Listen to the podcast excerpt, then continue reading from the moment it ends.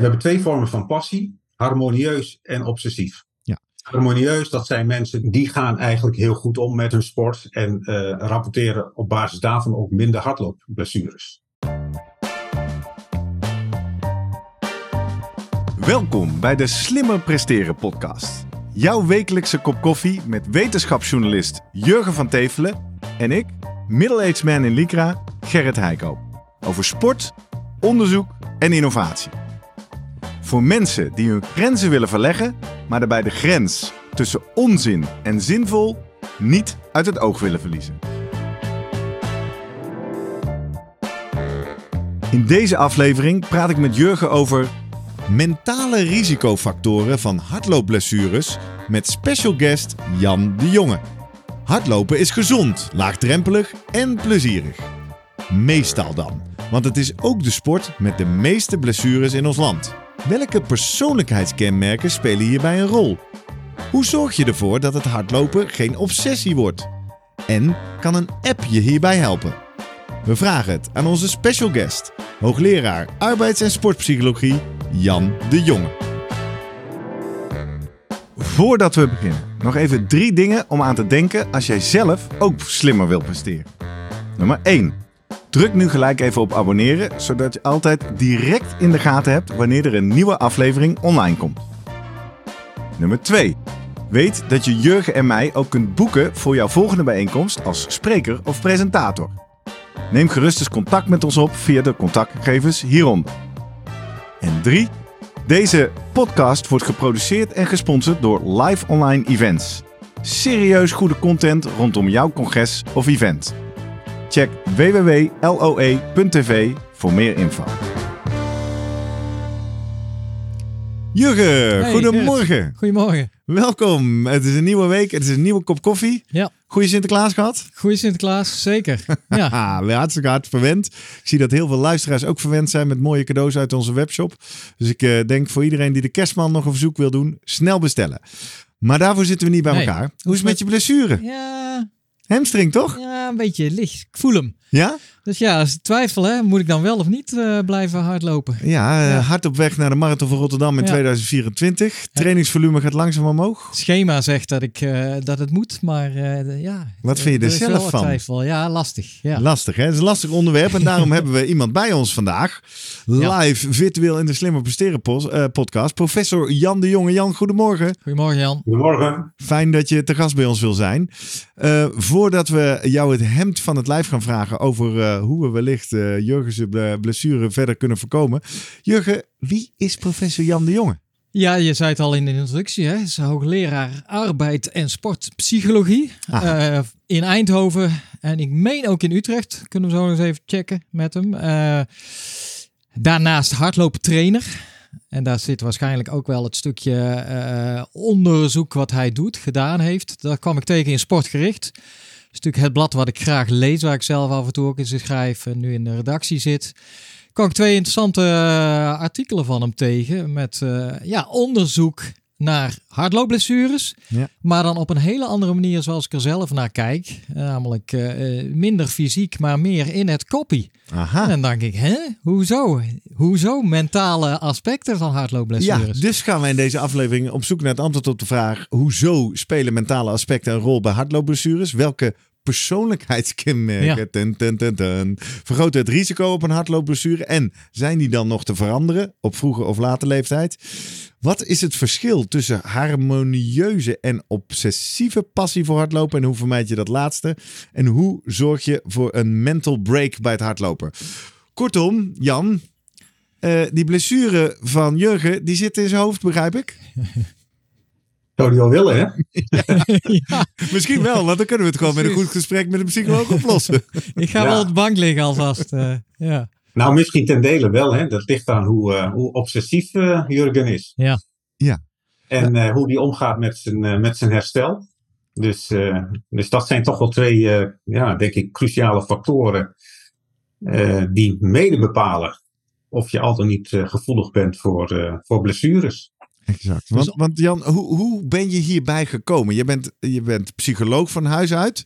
Ja, En je bent op zoek gegaan, wacht even. Er ligt misschien wel een link tussen het hoofd en de blessure. Vertel eens, hoe, hoe kwam je daarop?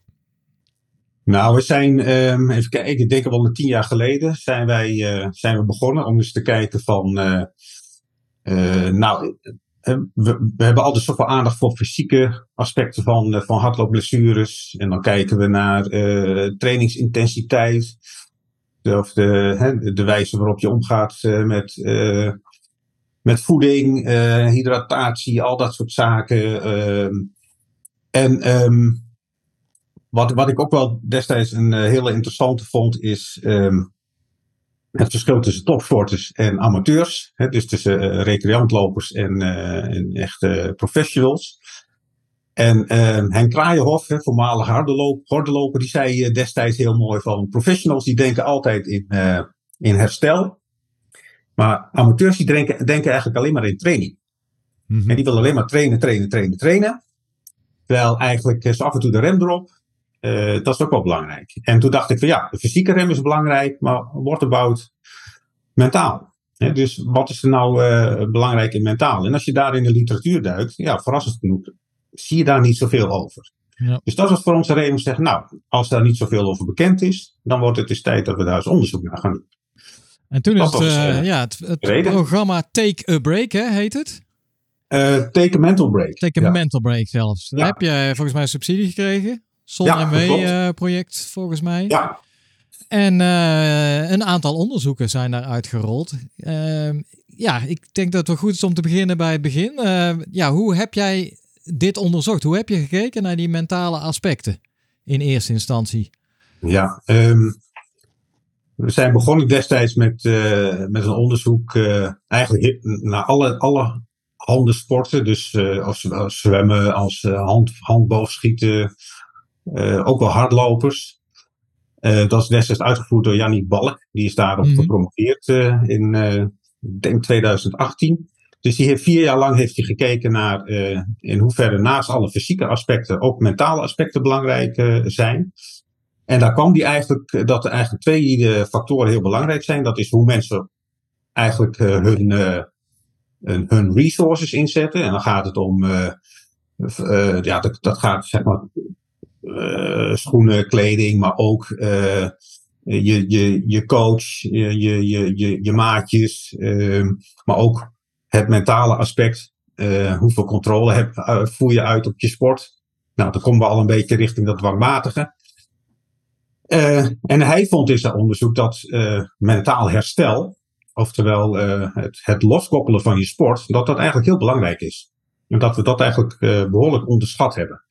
Toen hebben we nog niet zo gefocust op, dat, uh, op het blessureaspect. Toen keken we veel meer naar algemene gezondheidsverschijnselen, uh, uh, vermoeidheid, um, motivatie, dat soort zaken. Mm-hmm. Dus wat volgens mij Lieke ook behoorlijk centraal had staan. En, dus in die eerste vier jaar kwam dat echt heel erg naar voren. En op dat moment hebben we een subsidie aangevraagd bij SOMW.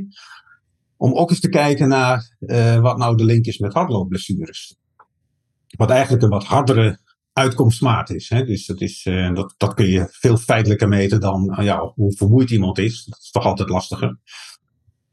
Dus dat, uh, dat is eigenlijk. dat, dat is het proces. En Jan, als we even bij het einde beginnen, de spoiler en daarmee ook de cliffhanger voor onze luisteraars. Is er een relatie tussen mentale aspecten en hoe ik me verhoud tot mijn sport en de kans op blessures?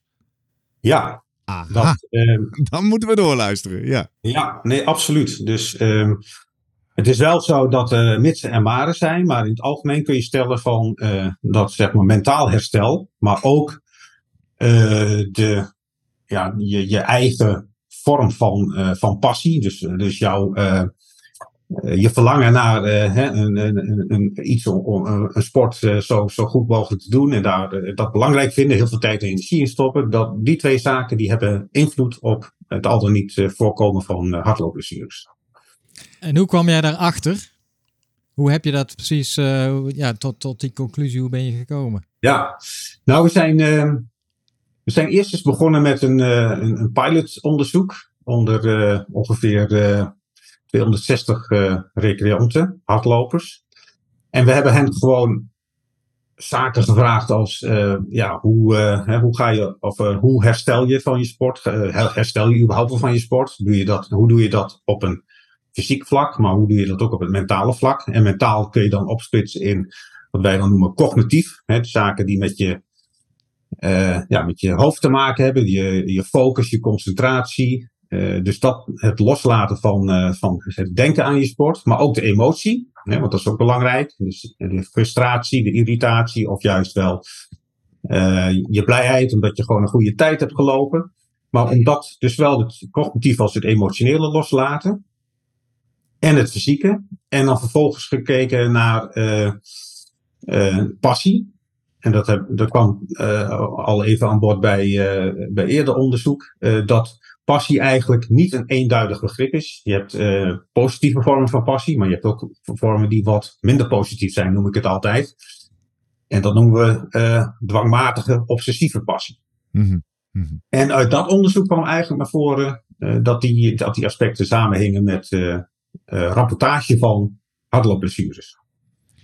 En is het dan zo simpel en monocausaal als dat obsessieve passie leidt tot meer blessures en niet goed loskomen, mentaal of emotioneel van je sport, leidt tot meer blessures? Nee, het, het, het, het ligt iets ingewikkelder. Kijk, we hebben twee vormen van passie: harmonieus en obsessief. Ja. Harmonieus, dat zijn mensen die, uh, die hebben de controle over hun sport. Die, uh, die vinden sport belangrijk, maar vinden ook heel veel andere zaken in hun, uh, in hun leven belangrijk. En dat is sport gewoon een onderdeel, een, gezond onderdeel van hun, uh, van hun totale levensstijl. Um, en het blijkt dat dat type sporters, die gaan eigenlijk heel goed om met, uh, met hun sport en uh, rapporteren op basis daarvan ook minder hardloopblessures. Ja. Um, wat zij ook kunnen, en dat kunnen obsessieve lopers niet, is beter omgaan met herstel. Dus zij zijn ook in staat om op tijd zeg maar, uh, aan, aan, de rem te, te trekken. En uh, ook om mentaal los te komen van hun sport. Mm -hmm. En dat helpt hun mede om blessures te voorkomen. Te voorkomen ja. Dus, en dat is eigenlijk ook de valkuil bij obsessieve hardlopers. Die zijn dus obsessief gepassioneerd. Dat betekent dat je eigenlijk de controle over je sport niet meer zelf in de hand hebt. Mm -hmm. Het wordt heel dwangmatig. Het lijkt ook wat op een verslaving. Je bent dus uh, geneigd om, uh, hè, ik vind altijd een mooie uitspraak, een dag niet gelopen is een dag niet geleefd. Mm -hmm. Ja, als je mensen en, die hoort uh, zeggen, dat is een probleem. en dat een risicofactor, zal de wetenschapper dan zeggen. Hè? Ja, ja, ja. ja. En, en het blijkt dus ook dat, zij, dat, dat er een één op één relatie is tussen obsessief gepassioneerd hardloopgedrag vertonen en ja. het voorkomen van blessures. En wat zij dus niet kunnen, is dat herstel effectief inzetten. Inbouw. Dus zij zijn eigenlijk, uh, ze hebben geen handrem om uh, zeg maar de, nou ja, de haperingen in hun eigen regelsysteem, om dat goed, uh, goed, goed te kunnen traineren. Ja, hey, en Jan, en in hoeverre maak je dan ja. nog onderscheid tussen een soort karaktertrek. Hè? Ik, ben, ik ben heel erg uh, obsessief, passief, uh, passievol overlopen. Versus, als je dit zo beschrijft, iemand die zich helemaal ophangt aan een schema. Wellicht niet vanuit een soort intrinsieke passie, maar vanuit een onzekerheid. Van, oh jee, ik wil mijn eerste marathon gelopen en het schema zegt dat ik vijf keer in de week moet lopen. Dus ik voel misschien wel dat ik extra rust moet pakken, maar ja, dan haal ik het schema niet. En, maken jullie daar nog onderscheid in? Wij hebben daar wel naar gekeken. Dus we hebben wel gekeken van, uh, is het zo dat mensen die uh, zeg maar heel erg zich vastpinnen op een uh, hardloopschema, of een ander trainingsschema, verschillen die nu in het aantal uh, blessures ten opzichte van mensen die dat niet doen. Mm -hmm. En dat blijkt, dat, blijkt, dat blijkt uit ons onderzoek niet zo te zijn. Dus wij, oh. wij konden niet vinden dat uh, bijvoorbeeld het, uh, het gebruiken van een heel strak schema, dat dat nou meer blessures tot gevolg had. Dus bij ons lag het dus toch echt aan, dat, zeg maar aan de passie. Ja.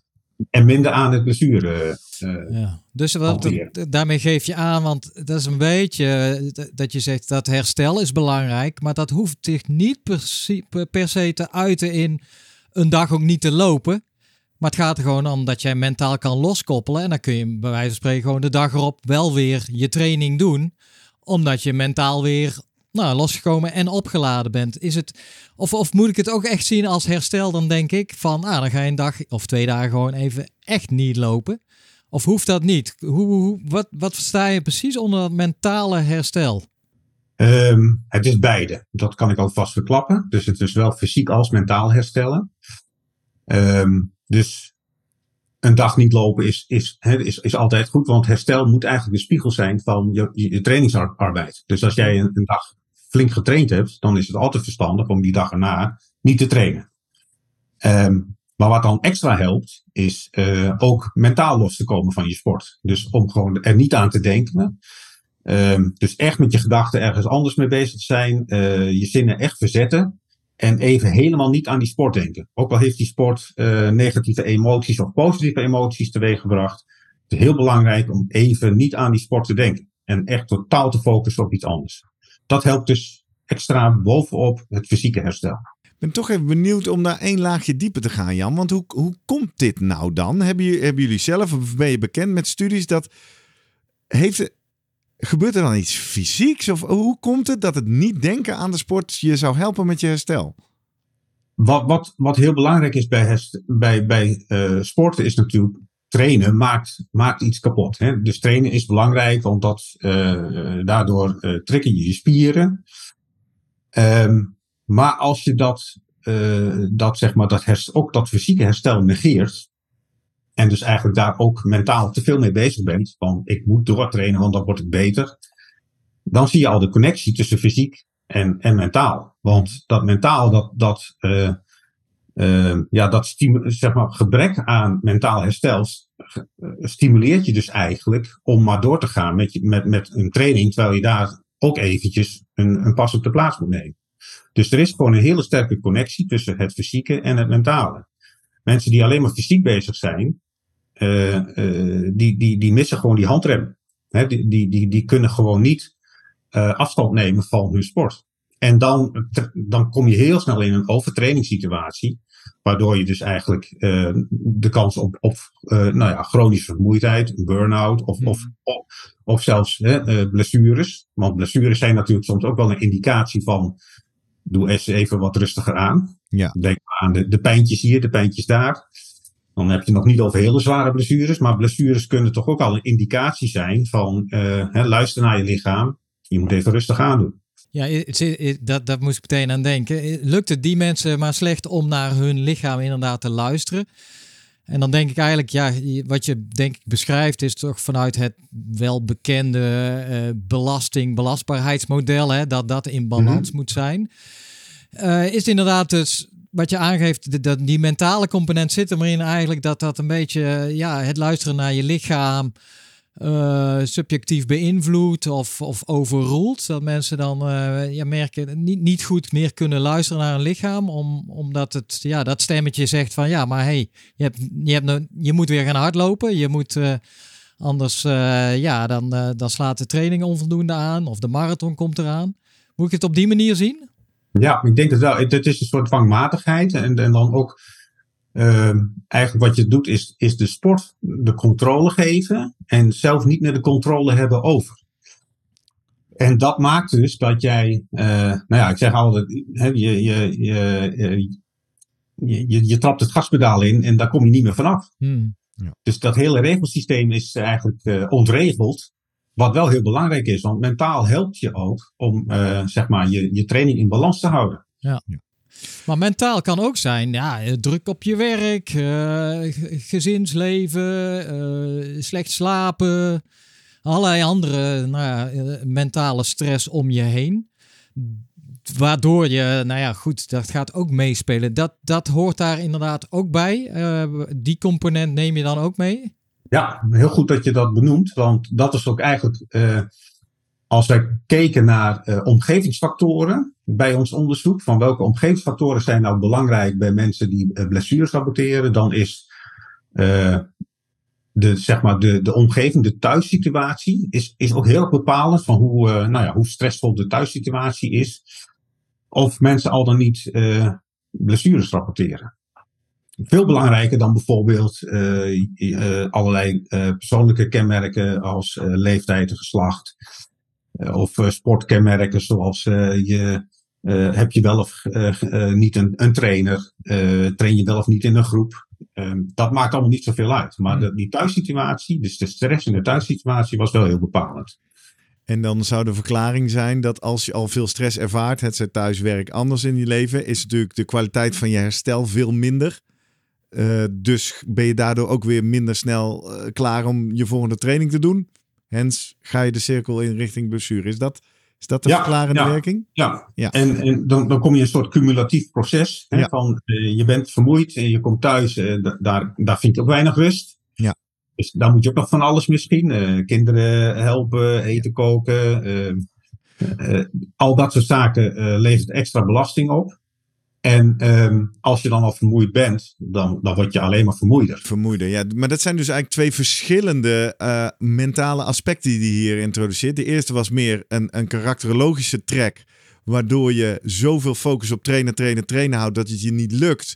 Ook al weten we allemaal, het gaat om trainen en rust. Maar dat je toch maar blijft trainen, omdat je zo'n obsessieve passie hebt. En die tweede factor is eigenlijk meer, goh, je hebt een, een leefomgeving of een, een, een mentale belasting, waardoor je niet goed aan rusten toekomt. Ook al Ja. gun je jezelf die tijd wellicht wel, maar die is dan onvoldoende. Ja, en dan eigenlijk, eh, kijk, inspanning leveren ehm, kost altijd energie. Ja. Hè, hoe je het bent of keert. En als je dat op meerdere fronten moet doen, kost dat meer energie. Ja, precies. Die, Maar om te herstellen heb je ook energie nodig. Ja. Hè, om de batterij weer op te laden, moet je energie hebben. En dat is ook wat we noemen de herstelparadox. Eh, eh, dus als jij zo vermoeid bent dat je ook niet meer eh, in staat bent om goed te herstellen, want daar heb je dan ook geen energie meer voor. Ja. Dus herstel is, is, is niet gratis, dat kost ook gewoon energie. ja, mooi En beeld. dat is heel belangrijk, zeker bij mensen die dan ook nog een druk gezinsleven hebben of een druk werkleven. Tot op alle fronten worden ze eigenlijk leeggezogen. En dan hebben ze ook geen energie meer over om adequaat te herstellen. En dit geldt eigenlijk voor alle sporten, hè? Maar, Ja, ja. maar je hebt hardlopen er niet voor niks uitgekozen. Als zijnde toch de sport waar het zich eerder uit in een blessure, denk ik. Omdat gewoon het risico blessures nogal ja, is erg groot, zoals we al in de inleiding zeiden. De, volgens mij één op de vijf eh, blessures, sportblessures, eh, is als gevolg van hardlopen. Begrijp ik uit de laatste cijfers van Veiligheid eh, NL. Zo'n beetje Ja, de- 1 de- miljoen of eh, 900.000 eh, blessures per jaar.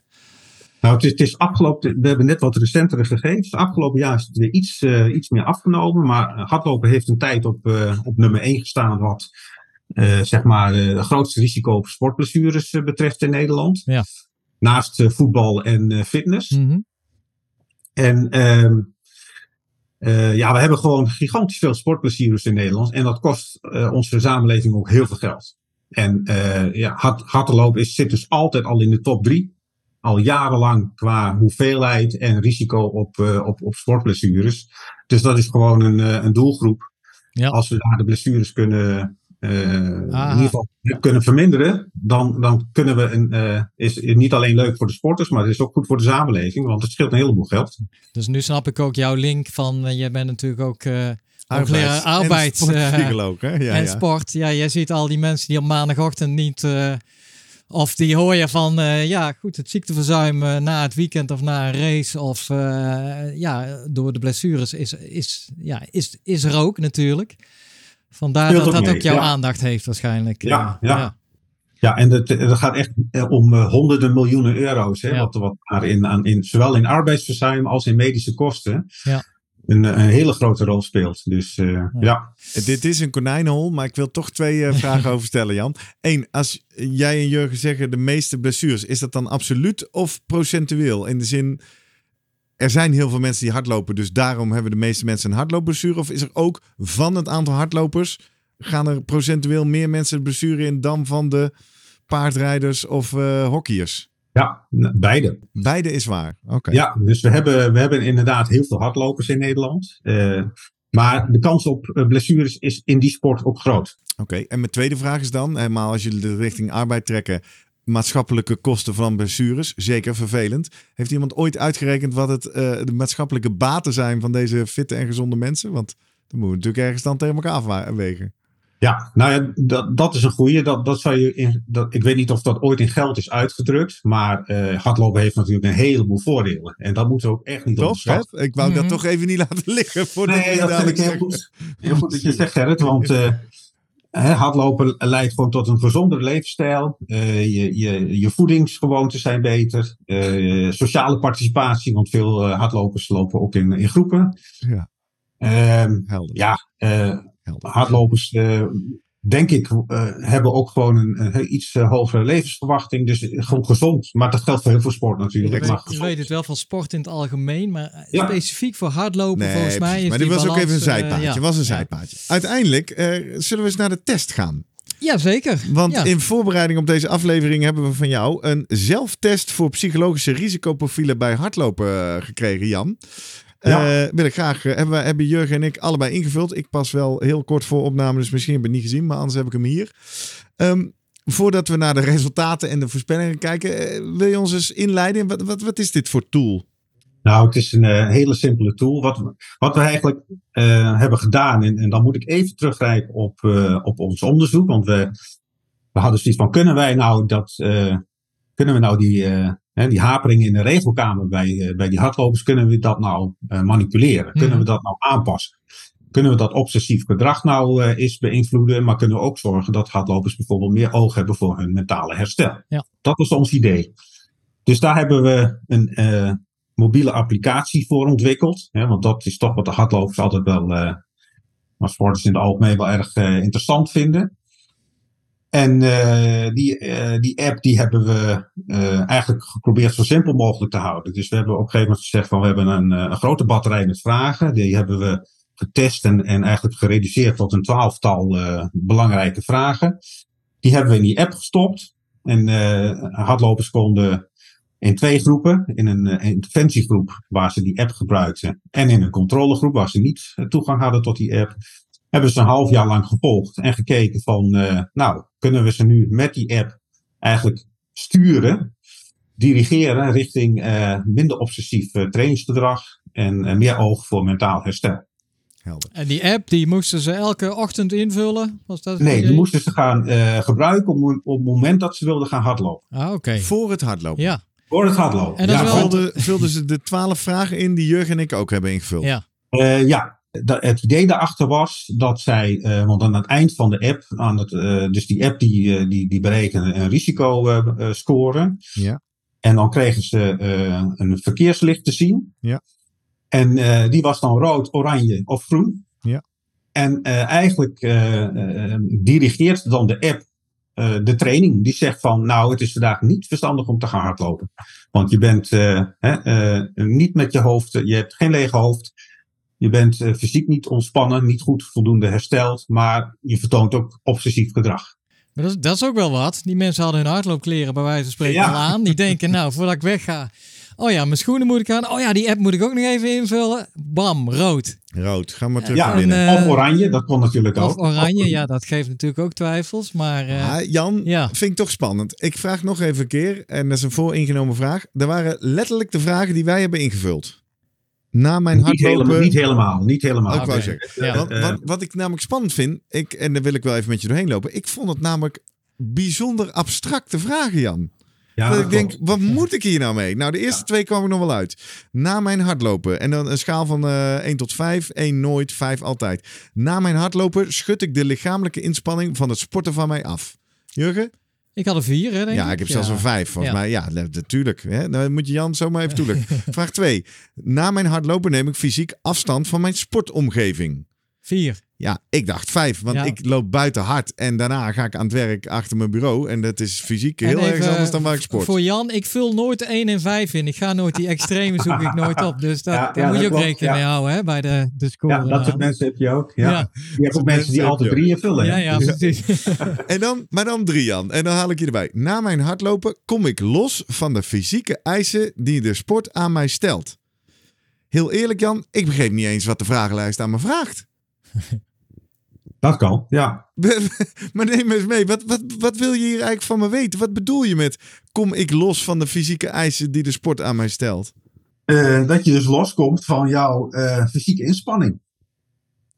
Nu is die wat, uh, wat cryptisch geformuleerd, want uh, ik moet eerlijk zeggen, die lijst die jullie gekregen hebben, die komt uit een uh, Engelstalig proefschrift. Ah. En die is dus één op één vertaald vanuit het Engels naar het Nederlands. En dat is, dat is een beetje cryptisch gebeurd. Dus, ehm, Wat maar is die het Engelse die- woord voor kom ik los dan? Want dan snap ik het misschien beter. Ehm, ja, dat is detach, dus detachment. Ja. Psychological of eh, physical detachment. En, en wat betekent dat in gewone mensentaal? Als jij en ik morgen een rondje getraind hebben, Jan, en ik vraag na een half uur, ben je al fysiek losgekomen van de eisen? Wat, wat, wat, wat? Ja, het, het fysiek eh, eh, loskoppelen van, van, van je training. Dus dat je in staat bent om eh, hè, nou ja, voldoende een, een goede cooling down te doen, om het zo maar te stellen.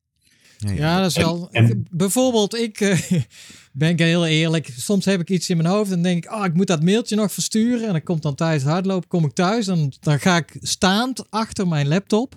En dan ben, heb ik mijn hardloop, hardloopkleren nog aan. En dan ga ik dat eerst nog even doen, zeg maar. En dan sta ik nog een beetje na te huppelen op de plek terwijl ik dat aan het doen ben. Dat zou daarbij kunnen horen.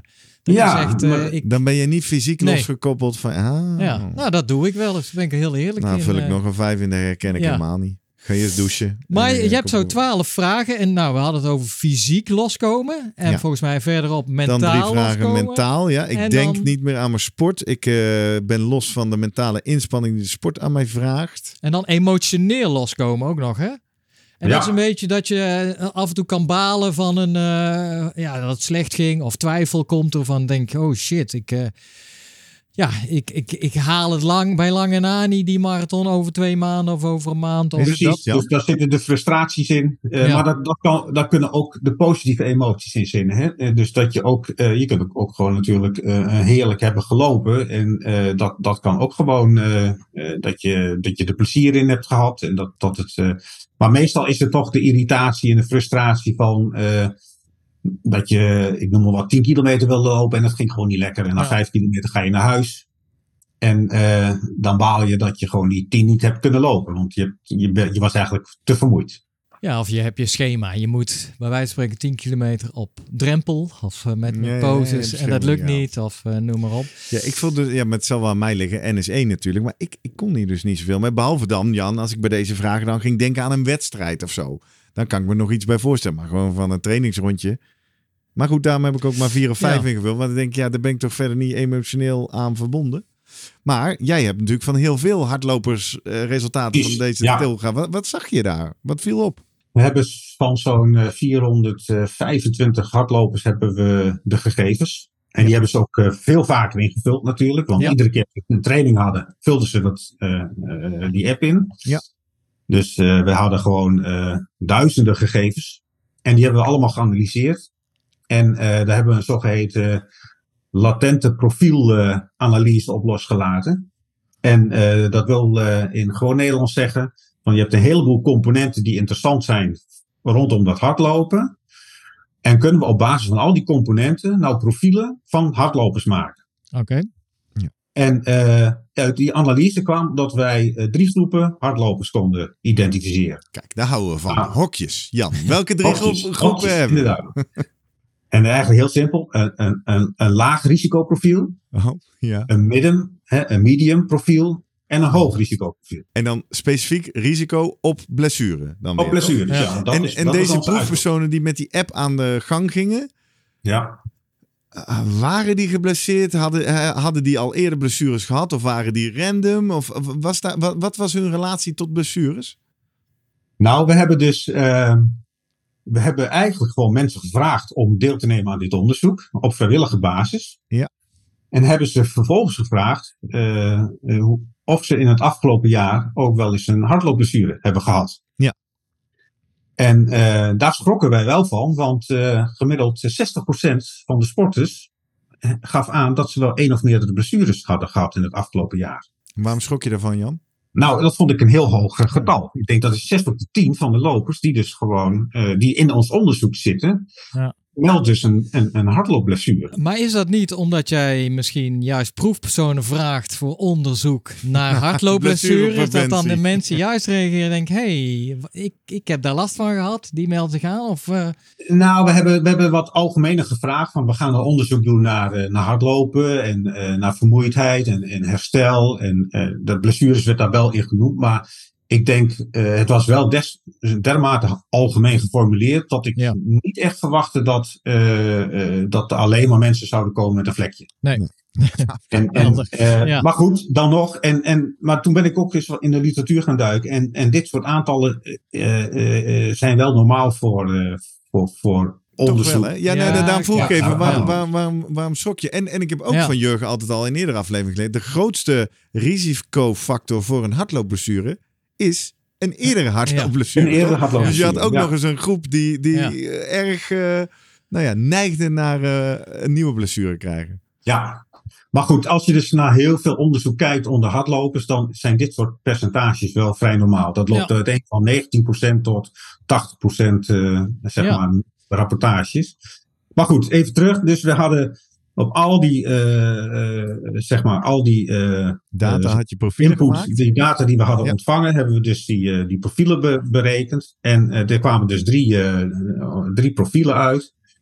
En ehm, op basis van die drie profielen hebben we dus gekeken, kunnen we daar op, basis daarvan eh, vermoeidheid, maar ook eh, blessures ehm, indelen. En dat, dat, dat bleek dus te, te kunnen. Dus om maar een voorbeeld te geven. De, eh, als je de laag risicogroep vergelijkt met de hoogrisicogroep, dan had die hoogrisicogroep ongeveer drie keer zo meer eh, kans op het krijgen van een hardloopblessure dan de laagrisicogroep. Ja. Ja. Dat gaf ook wel aan dat die, eh, dat die indeling eigenlijk wel heel Ja. valide is. Hoe groot was nou die hoogrisicogroep? Is het, want dat is niet een derde, een derde, een derde, vermoed ik. Ik weet het eigenlijk niet. Eh, Nee, maar dat, daar zit niet zo heel ver vanaf. Oké. Ben ik benieuwd Omdat- waar, eh, waar, staat, eh waar staat Oh Gerrit ja, want wij kunnen ook onze score zelf- uitrekenen. Dan komen we, want dan moet je uiteindelijk scores optellen, aftrekken. En Ja, dat klopt. En nogmaals, Ehm, we ik- hebben ik het heb- nu, maar eh, ja. Gerrit zit in de laagrisicogroep. Fijn. Eh, dus die heeft, eh, als je dat vergelijkt met de hoogrisicogroep, zou die dus ongeveer drie keer zo eh, weinig kans, of drie keer minder kans hebben op een hardloopblessure dan de hoogrisicogroep. Ja. En Jurgen zit in de, in de mediumgroep. Nou, en die heeft hier ook een lichte hamstringblessure. En, eh, Moeten we natuurlijk ja. uitzoeken, hoe komt dat nou? Hè? Want eh, Ja. zit dat nou bij jouw mate van obsessieve passie? Want ik heb die, die laatste drie vragen, want we hebben net genoemd, ging over fysiek, mentaal, emotioneel. En de laatste drie vragen ging dan over inderdaad, eh, hè, vraag 10. Ik heb bijna een obsessief gevoel met betrekking tot hardlopen.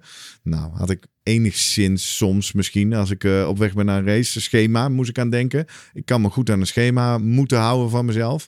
11. Hardlopen is het enige waar ik echt enthousiast voor word. Nou, 1. Totaal niet herken ik dat. Ik word van zoveel dingen enthousiast. En 12.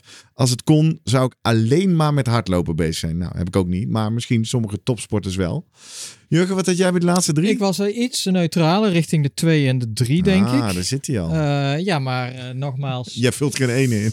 Nou ja, ik ben gemiddeld wat dat betreft. Ik ben daar ook heel eerlijk in. Maar ik ben eigenlijk, misschien is het wel leuk als wij deze vragenlijst bijvoorbeeld in de show notes gaan zetten. En aan onze luisteraars dus eens voorleggen. Om daar Ja, maar wil ik wel goed want- begrijpen, Jan. Wat, wa- want je zegt het zelf al. Het is een hele simpele tool. En daar ben ik inmiddels ook wel licht argwanend van geworden. Van wat, wat kun je er dan echt uithalen, Jan? Stel, eh, ik ga dit wekelijks invullen. Waar, waar moet ik op letten? Ehm, nou, Jurgen staat, staat, staat wel iets hoger dan, eh, dan die drie. En ik denk dat dat ook zijn risicoprofiel iets, eh, iets omhoog trekt. Ehm, waar, je, waar je dus bij, dit, eh, bij, bij deze vragen op moet letten, is met name dus dat de, het obsessieve gedrag. Dat bepaalt of, of zeg maar de handrem aanwezig is of niet. Ja, ja. Dus de kern zit En- in die laatste drie vragen. Ja, maar ook ben je dus in staat om op al die drie eh, dimensies die we al eerder genoemd hebben, op het fysieke, het, het cognitieve en emotionele vlak, om daar adequaat op te herstellen. Dus ben je in staat om Ja. hè, los te koppelen van je sport. Als dat het geval is, min zeg maar je handrem, het obsessieve gedrag. Ja. Ja. Eh, ja, dat bepaalt toch eh, statistisch in welke groep je terechtkomt. en eh, dat was ook onze insteek. Het moet gewoon simpel zijn. Het moet niet te ingewikkeld zijn. En eh, op basis van die, vier, nou ja, van, die, van die 425 mensen met, ik denk wel gemiddeld per eh, persoon, tientallen eh, ingevulde app-scores, Ja. Ja. kwamen tot die profielen. En maar er is natuurlijk de interessante vraag voor onze luisteraars en voor Jurgen hier op de bank op weg naar Rotterdam Marathon 2024. Hoe komt iemand van een hoog risicoprofiel of eventueel medium profiel Naar terug laag, naar laag? Wat, wat kunnen we doen? Want dan komen we bij het doosje praktische tips die we misschien uit deze Ja. aflevering kunnen ja, halen. dat klopt. Ja. Nou, dat is. eh, allereerst moet ik, moet ik bekennen dat, eh, dat uit ons onderzoek bleek. We hebben zes maanden lang die eh, lopers gevolgd. Maar daar vonden we dus geen effect van de app. Dus helaas Dus, pindakaas. het- dus Ja. het invullen zelf. Ja, en dat stoplicht dus. Ja. Of het stoplicht, eh, maar hielden mensen zich aan het stoplicht? Eh want dat is natuurlijk, ik kan me voor- ook nog voorstellen dat sommigen denken, het zal wel rood zijn. Nou, maar ik ga toch lekker. eh, Ja, Zeker die risicoprofielers zonder handrem. Ja, dat, dat konden we niet, eh, eh, dat, dat hebben we niet kunnen vaststellen. Wat we wel, dus onze app heeft niet gewerkt in termen van als we nou naar die beide groepen keken, zes maanden lang, of er dus ehm, verschil was in blessures, want dat was er niet. Oké. Dus die, die interventiegroep die die app had, die rapporteerde niet minder blessures dan onze controlegroep. ja. Mhm. Eh, maar wat we wel zagen is, eh, want toen hebben we gekeken naar de, naar de risicoprofielen, dat mensen die, die een hoog risicoprofiel zaten, dat die de app vaker gebruikten. Hmm. En dat geeft ook wel aan, denk ik, eh, hè, dat is net als met Strava en andere apps, eh, dat dwangmatige. Ja. Van, Past goed in het profiel. het past, past in het profiel, maar ook denk ik wel misschien eh, toch de, eh, ehm, nou, in, ieder, geval een soort, soort hunkering naar van, eh, laat die app maar zeggen wat ik nu moet doen. Ah ja. Mhm. Want eh, ik, ik weet dat ik dan toch dwangmatig met mijn sport omga. En dat, zeggen, ze- dat hebben ze ook aangegeven van dat zij, eh, dus, dus onze obsessieve hardlopers, die zeiden van, ik weet nu dat ik te obsessief bezig ben. En als die app dus zegt dat ik niet mag lopen, legitimeert dat ook om vanavond niet te gaan trainen. Hmm. En dat was voor hen wel een soort hulpmiddel om het ook te zeggen van ik, eh, hè, ik, ik, ik hoef nu niet te lopen, want de app zegt dat. Dus, Jongen, eh, jongen. dus dat was Ik al kan me mooi om te voorstellen, zien. maar nu ga ik even naar Jan als psycholoog op de sofa. Als mensen dit zelf al zeggen, dat je dan alleen maar ze even veelbetekenend aan hoeft te kijken, toch? Dat Ja. het zelfinzicht dan wel komt. Ja, maar dat is denk ik ook, ook de, zeg maar de kracht van de psychologie. Van je houdt mensen een spiegel voor. Precies. Hè, en dan moet jij zelf daar je conclusies uittrekken. En, en dat, dat dus eigenlijk hebben we met de app geprobeerd om die mensen een, een spiegel voor te houden. Ja. Ja. En dat is dus bij die uh, hoogprofiel, hoogrisicoprofielgroep wel gelukt. Ja. En zij, zij gaven ook aan dat, dat hun zelfkennis heeft vergroot. En, uh, en we zagen ook wel een tendens, dat was hè, niet statistisch significant, maar wel een, een tendens, dat, dat die uh, groep dus minder uh, hardloopblessures rapporteerde na zes maanden. En dus dat ging wel in de goede richting. Alleen. Exact. Wat je ook zou willen zien, toch, Jan, is dat hm? de groep die aan het begin van je zes maanden in het hoogrisicoprofiel klassificeert, ja. zou je eigenlijk, als dit zelfinzicht inderdaad zou helpen, dat ze over die zes maanden wellicht richting medium, hè, dat, dat ja. de score, de risicoscore langzaam wat lager zou worden. Heb je dat gezien? Ja, na, zes, na zes maanden zagen we dat nog niet, maar dat zou je wel verwachten na een jaar. Toch? Ja, ja. Dat zou je op zijn minst hopen. Hè, mensen. En mogelijk dat ze ook minder dan kijken naar die app. Of op een gegeven moment de app niet meer dagelijks hoeven te gebruiken. Of gewoon nee. iets hebben. Ja, nu, nu weet ik wel dat ik rust moet nemen. En uh, dat het stoplicht anders op. op, op Jan, is het staan. zo simpel als relativeren moet je leren? Ten dele, maar je moet ook een stuk zelfreflectie ja, dat hè? Ja, ja, ja nee, precies. Relativeren is reflectie, is natuurlijk zelfreflectie. Maar ik bedoel meer, want als je zegt de grootste risicofactor is dat obsessieve gedrag. Of dat nou in je karakter zit, of omdat je jezelf helemaal aan een schema ophangt. Nou, dat is uiteindelijk ook karakter natuurlijk, dat je dat doet. Ja. Uh, maar en, en daardoor niet op tijd aandacht kunnen hebben voor je fysieke, mentale of desnoods emotionele uh, herstel of afstand nemen. Dan is dus in feite dat het belangrijkste wat mensen moeten gaan leren. Want ik, ik zit een beetje te zoeken. Kunnen we nou zo ja. na drie kwartier kletsen op weg naar tips? Maar de tips worden niet anders dan dat we net al aan het begin van het gesprek afleiden. Wacht even. Mensen met een hoge mentale stress of last of die zich moeilijk los kunnen koppelen van die sportdoel. Ja, hebben groot... Ja, precies. Dus de tip is dan, zorg voor verstrooiing. Zorg dat je loskomt. Maar dat kan alleen maar als je ook dus op een of andere manier de ruimte voor jezelf keert dat je niet zo obsessief daarmee bezig hoeft te zijn. Ja, dus eh, het, het blijkt uit onderzoek, want dat, is, dat, is, dat was natuurlijk ook een handvraag. Kun je obsessief gedrag veranderen? Ja. Dat blijkt te kunnen. Dus je kunt mensen die obsessief gepassioneerd zijn, in de richting bewegen van eh, minder obsessief.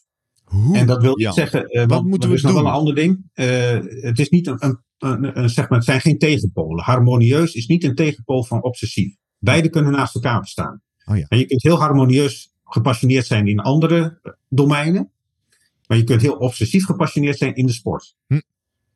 Kan ik me voorstellen. Eh, en dat zie je ook wel. Dus iemand kan, eh, kan beide type passies hebben. Alleen het is de kunst om dat obsessieve eh, dus eh, te verminderen. Heb jij tips? Ik moet ook nog een andere kanttekening maken. Voordat ik, want ik denk dat er zijn nog twee dingen. Aan de ene kant de rol van trainers, coaches. Ja. Eh, en aan de andere kant, obsessief gedrag is niet altijd fout. Dus ik, ik, eh, in de topsport denk ik dat obsessief gedrag heel belangrijk is. Ja, ja. Want eh, obsessief gedrag is, is bijvoorbeeld heel cruciaal voor goede prestaties. Eh tegenpolen alleen is van dat het ook blessure bevorderend is. Dus je moet daar wel voor uitkijken. Ja. Want dat, dat, daar moest ik even aan denken. Jij begon natuurlijk met eh, het gesprek wat je ooit met Henk Kraaienhof had. En toen had ik bijna het idee, oh, dat zijn dus allemaal harmonieus passievolle atleten. Maar bij deze zeg je, nee, dat is helemaal niet zo. Maar zij hebben wel eh, minder blessure, of tenminste, zij weten wel op tijd te stoppen, mocht er bij het geval om, om goed te herstellen of er een, een blessure dreigt. Herstel staat dat veel meer, eh, is, is dat veel belangrijker. En het krijgt veel meer aandacht dan bij, eh, eh, bij recreanten. Recreanten denken niet in herstel, die denken alleen in training. Ja, ja. Dat Dat is denk is ik het, het probleem. Ja, dat Ja. is het. Dus passie en obsessief is niet alleen maar slecht. Zeker niet bij topsport. Je wilde ook nog iets zeggen over trainer en coaches. En dan met Ja, ik denk dat, hè, dat die juist heel erg bewust moeten zijn van hoe belangrijk naast fysiek herstel het mentale aspect is. Dus hoe, dat, dat ze ook oog hebben voor mentaal herstel. Dat ze dat ook eh, communiceren naar hun sporters. Hè? eh, eh, maar dat ze daar ook een klimaat voor creëren. Van dat je ook bezig moet zijn met je hoofd leegmaken naar je sport. Dat je ook na een dag sporten, die dag daarna gewoon eens even die sport moet laten voor wat het is. En daarnaast ook het obsessieve gedrag. Want ehm, ik, ik ben zelf hardlooptrainer en eh, ik haal ze er gewoon uit wie, wie, wie obsessief met zijn training bezig is. Dat zijn eh, de mensen, als jij een 10 kilometer loopje hebt gedaan en je komt terug bij de baan. En eh, dan zijn er altijd nog wel een paar mensen, want we hebben 9,8 kilometer gelopen. Wat gaan die obsessieve lopers dan doen? Die, die 0,2 denken van erbij. die 10 kilometer moeten Ja. vol. Dus Ja. die, die pakken nog een rondje om de baan. Het is toch gewoon licht autistisch dat je dan die cijfers rond wil hebben, eh, Jan? Ja, niet alleen au- autistisch. Het, het, het is, het, het is met name heel obsessief eh, gepassioneerd met je sport bezig zijn. En dat is, dat is aan de ene kant eh, eh, leuk, maar eh, dat is dus ook de trap, de valkuil van, eh, van, eh, ja, van de blessurerisico's. Exact, want dat is wat wij hier zeggen. Hè? We zeggen natuurlijk Ja. niet, je mag niet die 9,8 naar 10 volmaken. Maar je moet toch wel met een glimlach elkaar kunnen aanspreken op. Let nou even op, want dit is gedrag wat mogelijk je risico op een blessure verhoogt. En dan wordt pas een probleem Ja. natuurlijk als je in diezelfde passie ook gaat ontkennen dat je even een week rustig aan moet doen. Ook al zegt het schema wat anders. Ja, en dan de dag daarna eh, eh, gewoon niet trainen. Hè? En dat is heel belangrijk. Ja. Ja. Steeds mooi de, gevleugelde zegt het nu wel voor de derde keer, Jan. En nu bij de derde keer ga ik toch op ingrijpen. Want ik denk, hier krijgen wij mails over. Op zich is het toch geen algemene regel dat je niet vijf of zes dagen in de week zou mogen hardlopen. Het ligt er toch maar helemaal aan op welk weekvolume je zit en hoe de intensiteiten zich verhouden. Eh, ja en nee. Ik denk, ik denk hè, herstel moet altijd de spiegel zijn van je trainingsarbeid. En ik, ik, ik, ik kan me niet voorstellen dat, eh, dat het gezond is dat jij zes, zeven dagen per week hardloopt. Want er moet altijd een, eh, een dag geen training tussen zitten. En dat wilde ik net zeggen. wat heel belangrijk is, geen training is ook een training. Ja. Ja, dat is, Ja, ik vind het wel spannend, Ja. want dan val ik nu al buiten de boot. Want, eh, maar goed, ik ben wel ik, de, in- rondom de marathonprogramma's. Train ik wel degelijk vijf dagen in de week lopen. Dat is een van de reflecties eerder dit jaar die ik al genoemd heb, dat ik dat meer wil variëren. Maar ik ben nu lekker voor de triathlon komend jaar aan het trainen. Maar dan ben ik ook vijf, zes dagen in het, eh, aan het trainen. Maar dan is het wel hè, twee of drie keer lopen, twee of drie keer fietsen, twee keer zwemmen. Dus ja, maar dan... het, het, het, zou kunnen, maar ik zeg alleen dat de kans op blessures dan veel groter ja, is. En dat, dat kan ik ook zo onderschrijven. Want natuurlijk is dat heel veel sporten. Ja, ben ik met je eens. En als je daar niet aan de rem trekt op het moment dat je een pijntje krijgt, dan ja, eens. Eens, je hebt helemaal gelijk. En aan de andere kant, uh, ja. Gerrit, jij werkt met een coach. Die jou ook vraagt van uh, hoe ging de training? Zeker, Heb je zeker. ergens last van? Hoe Zeker. voel je je? Ben je fris? En jij monitort dat zelf ook s ochtends volgens mij? Van ja, die, met de HV-app, maar ook Ja. op de eh, subjectieve vragen. Hoeveel Ja. zin heb je om te trainen? Eh, dat soort vragen, ja. Dus ik wou even vragen, volgens mij de app die jij had ontwikkeld, de Rambo-app, die is er niet meer, hè, geloof ik. Die kunnen we niet meer eh, downloaden, maar er zijn Nee, hij, waarschijnlijk. hij is niet meer online beschikbaar. Hij, hij is er nog wel, maar hij is Ja. niet meer online beschikbaar. Dus, Weet je, eh, alternatieve appjes, zeg maar, die een beetje op dezelfde manier dit eh, ja, polsen eh, bij, bij hardlopers, waardoor ze nou, eigenlijk toch inzicht kunnen krijgen in eh, ja, hoe, of het nuttig is dan om een extra rustdag eh, in te lassen. Weet jij dat? Nee, ik heb, daar heb ik geen, eh, geen kijk op. Het enige wat wij dus nu nog hebben is, eh, is de checklist. En eh, eh, goed, die, eh, die, die is natuurlijk altijd eh, te verkrijgen. Dat, dat doen we ook niet eh, zo heel ingewikkeld over. Ja. En die geeft je een indicatie. Van, het is altijd wat we noemen een momentaan eh, eh, inschatting. Want het, eh, je, vandaag kijk je er anders tegenaan dan morgen. Ja. Vandaag ben je, ga je ook anders om met je herstel misschien dan morgen. Eh, eh, eh, dus die, die momentane inschatting moet je dan helpen met, met, met je trainingsarbeid. Dus. En de hardloopgroep die jij traint, of hardloopgroepen, ja. laat je die nog wel van tevoren of dit even invullen? Of Nee, daar... dat heb ik nog niet, dat heb ik nog niet laten doen. Nee, dat, eh, nee, dat, dat heb ik nog tot nog toe eh, eventjes eh daar eh, Oké, van. ja. Ik weet dat er mede trainer en coaches luisteren, Jan. Dus eh, je hebt al een paar red flags genoemd. Dus eerste red flag. Mensen die roepen een dag niet gelopen is een dag niet geleefd. Rode vlag. Nee, Ja. niet rode vlag. Gele vlag. Risicoprofiel. Jij zegt mensen die obsessief de kilometers vol moeten maken. Gele vlag. Risicoprofiel. Wat zijn nog meer van die typische dingen? Want jij zegt net, ik pik ze er zo uit. Wat zijn nog Ja. meer van die typische hardlopersgedragingen? We denken, oh, het is grappig. Maar let nou op, want blessure.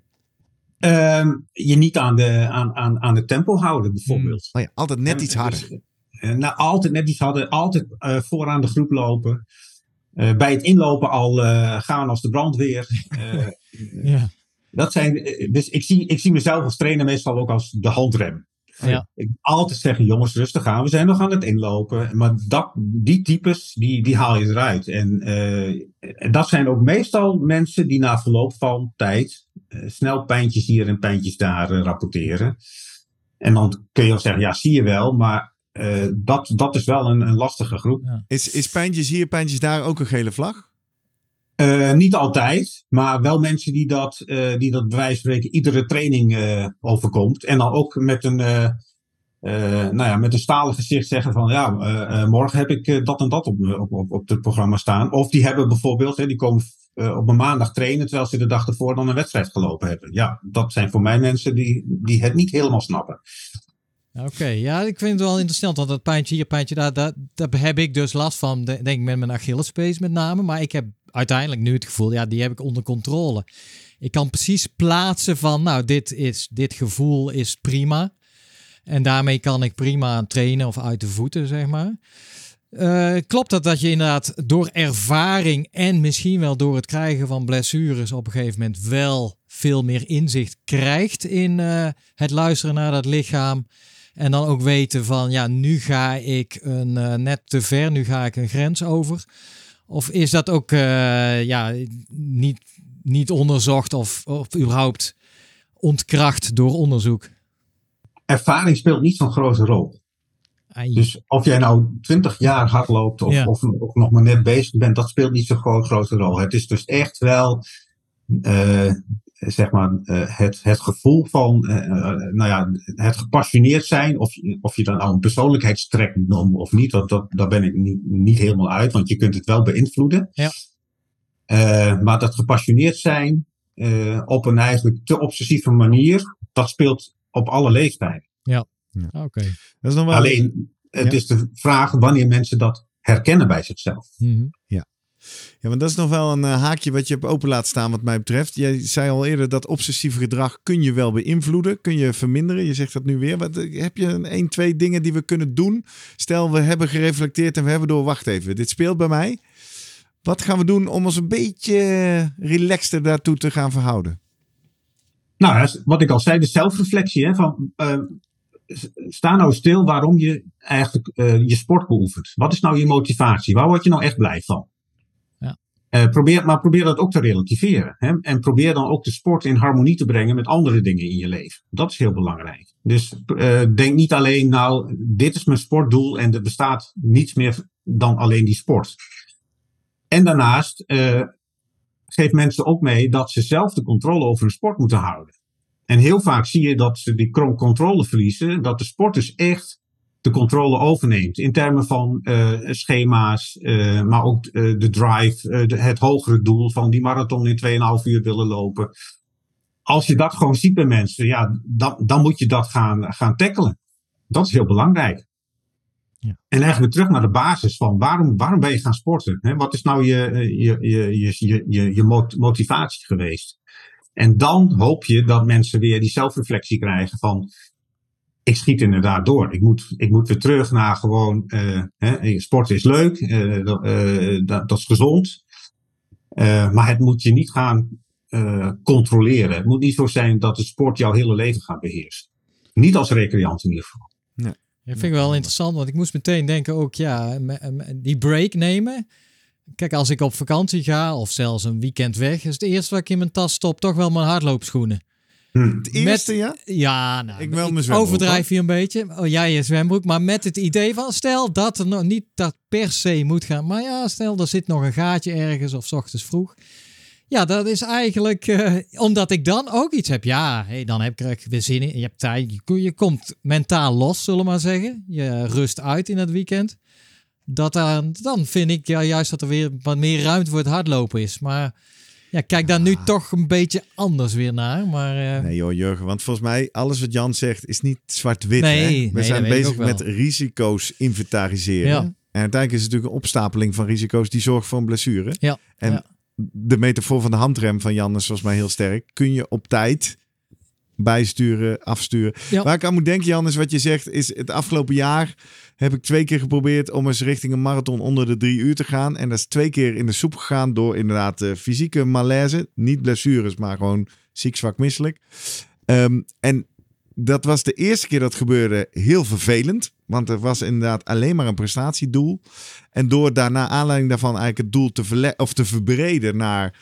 Ik vind het leuk om zoveel mogelijk verschillende marathons van Nederland te ontdekken. En daarbinnen, hè, voor marathon moet je toch trainen. Dus wellicht is een keer op een dag en elke voorbereiding alles goed en dan komt die PR wel. Is dat eigenlijk wat je bedoelt? Is dat het relativerende? Dat er meerdere redenen zijn waarom het leuk is om naar zo'n marathon toe te trainen? Ja, ik denk dat je een spijker op de kop slaat. Een marathon is natuurlijk ook een momentopname van je, alles moet, moet passen. En ja. uh, als, jij, als jij twee keer Amsterdam loopt of twee keer Rotterdam loopt, dan zul je ook zien dat je tijd niet, ook al zijn de omstandigheden voor jou nagenoeg identiek in termen van trainingsvoorbereiding, kan op die dag zelf net eventjes iets anders uitpakken. Hè? Je, hebt, je hebt slecht geslapen, of, of, of uh, het net is net iets warmer, of uh, het, is heel druk in, in, het stuk waar jij loopt, of, of ja. Dus dat moet je los kunnen laten. En ja. ik denk dat het heel belangrijk is dat je dus, uh, dus daar harmonieus mee omgaat. Dat je dus ook geniet van, van, van zo'n wedstrijd en, en dat ook in de voorbereiding dat hoe obsessiever, hoe dwangmatig je daarmee omgaat, dat is omgekeerd evenredig aan, aan, aan, aan, aan je plezier en aan ja. je motivatie. Ja, herken ik wel. En dat is dus inderdaad met een heel scherp PR en dat moet daar gebeuren. Dan gaat er inderdaad al die relativering en, en dus ook een stukje plezier wel uh, verloren inderdaad. Ja. ja. Dacht nog even, uh, Jan, met al de kennis die jij hebt opgedaan de afgelopen jaren. Uh, loop jij eigenlijk nog wel eens tegen een blessure op? Nou ja, ik, ik, ik, ik, zie ze wel aankomen, laat ik het zo stellen. En uh, op het moment dat ik ze zie aan, aankomen, uh, neem ik ook gas terug. Ja. Ja. En, en ik denk dat is, de, dat is dan ook mijn eigen zelfreflectie. Ook al wel ik ook, ook, ook wel uh, periodes in mijn leven gehad heb dat ik obsessief met mijn sport omging. Ja.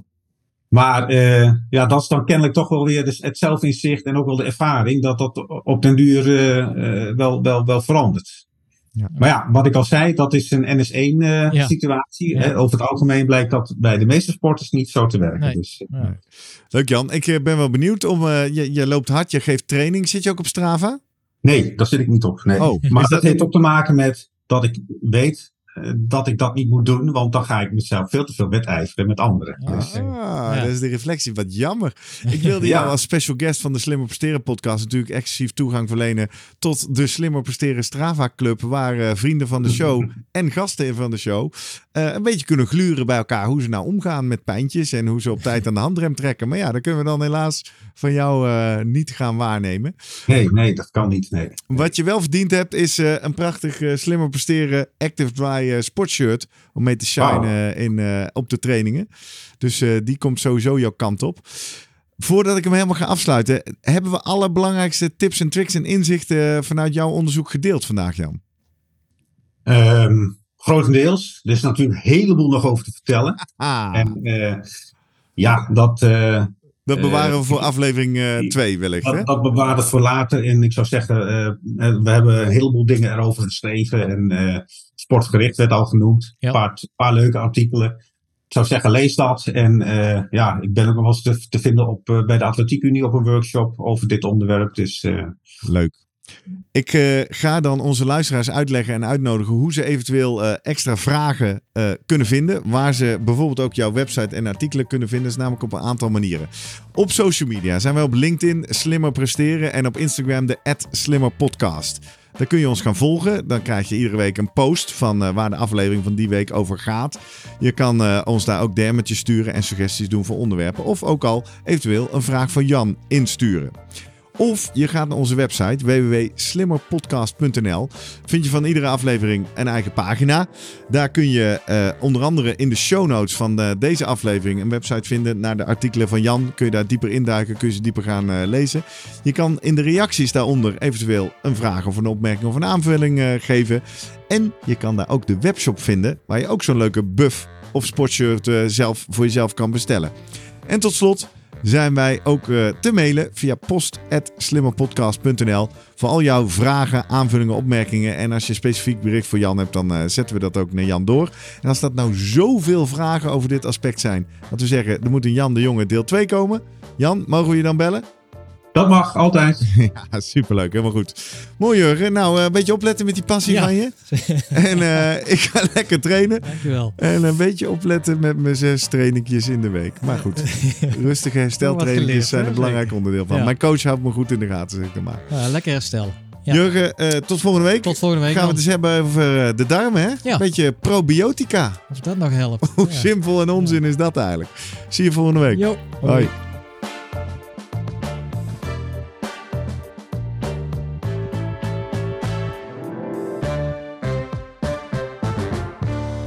Dat je deze aflevering helemaal tot het einde hebt uitgeluisterd. We geven je graag nog een tip uit het rijke archief van meer dan 160 afleveringen Slimmer Presteren podcast. Om nog even verder inspiratie op te doen uit de voedingsleer, psychologie en nog veel meer. Jurgen, welke aflevering willen we nu graag onder de aandacht brengen? Ja, aflevering eh, 82. Die deed me ook wel eh, denken nu aan het, eh, de, de, de aflevering met Jan de Jonge. Het gaat over perfectionisme, passie, harmonieus of obsessieve passie. En daar hebben we toen met Likke Schiphoff Godard ook over gehad. Hebben we ook een vragenlijst ingevuld. En eh, nou ja, daar leerden wij onszelf ook wel kennen. Jazeker. Gaan we mooi dieper in op de relatie tussen sportpsychologie, psychologie en prestatie.